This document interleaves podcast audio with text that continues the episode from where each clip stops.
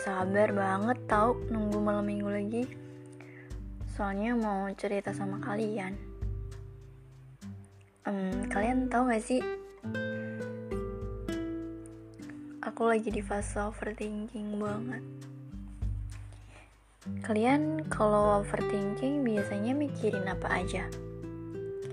Pernah gak kepikiran kalau umur udah tua, tapi pencapaian belum seberapa. Padahal kalau dipikir-pikir aku tuh udah ngelakuin banyak hal tau. Sumpah, udah nyobain satu persatu. Tapi kok semuanya kayak biasa-biasa aja ya. Kayak gak ada yang wow gitu. Dari sekian banyak hal, kenapa gak ada satupun yang menonjol?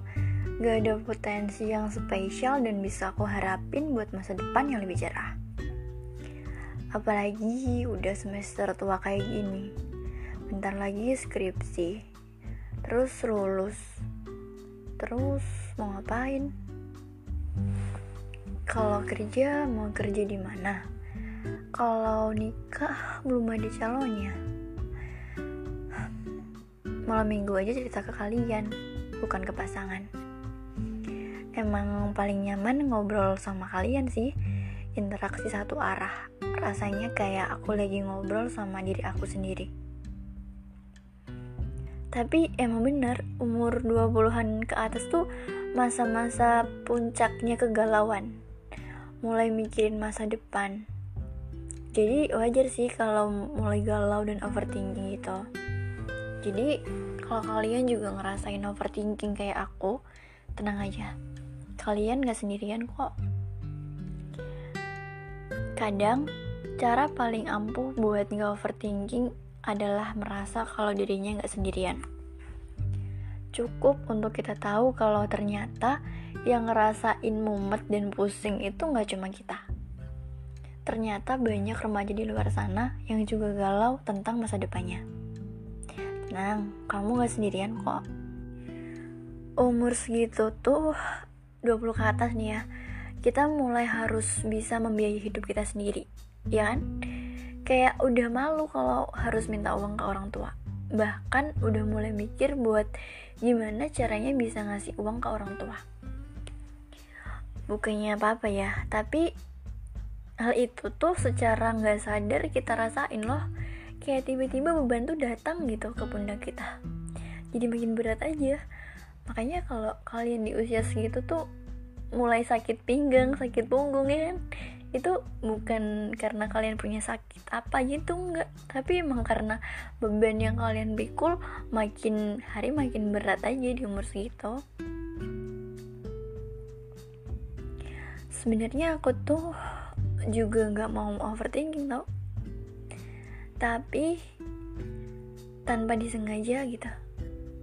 Tanpa direncanakan pikiran tuh tiba-tiba datang gitu. Tiba-tiba galau besok gimana ya gitu apalagi pas malam-malam gitu kan lihat ke atap bayangin besok kalau lulus gimana ngapain masa pulang nggak bawa apa-apa kayak gitu. Kayak beban sosial banget. Dan menurut aku pikiran-pikiran kayak gitu nggak bisa dicegah buat datang sih. Karena emang mereka udah kodratnya buat datang ke kita.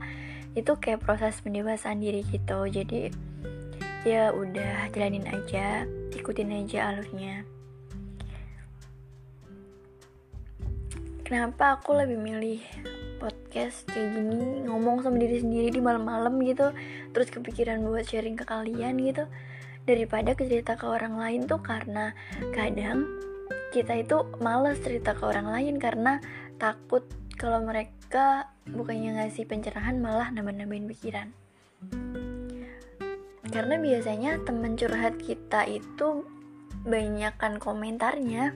Bukan bikin tenang malah bikin tambah pikir gitu malah overthinking terus.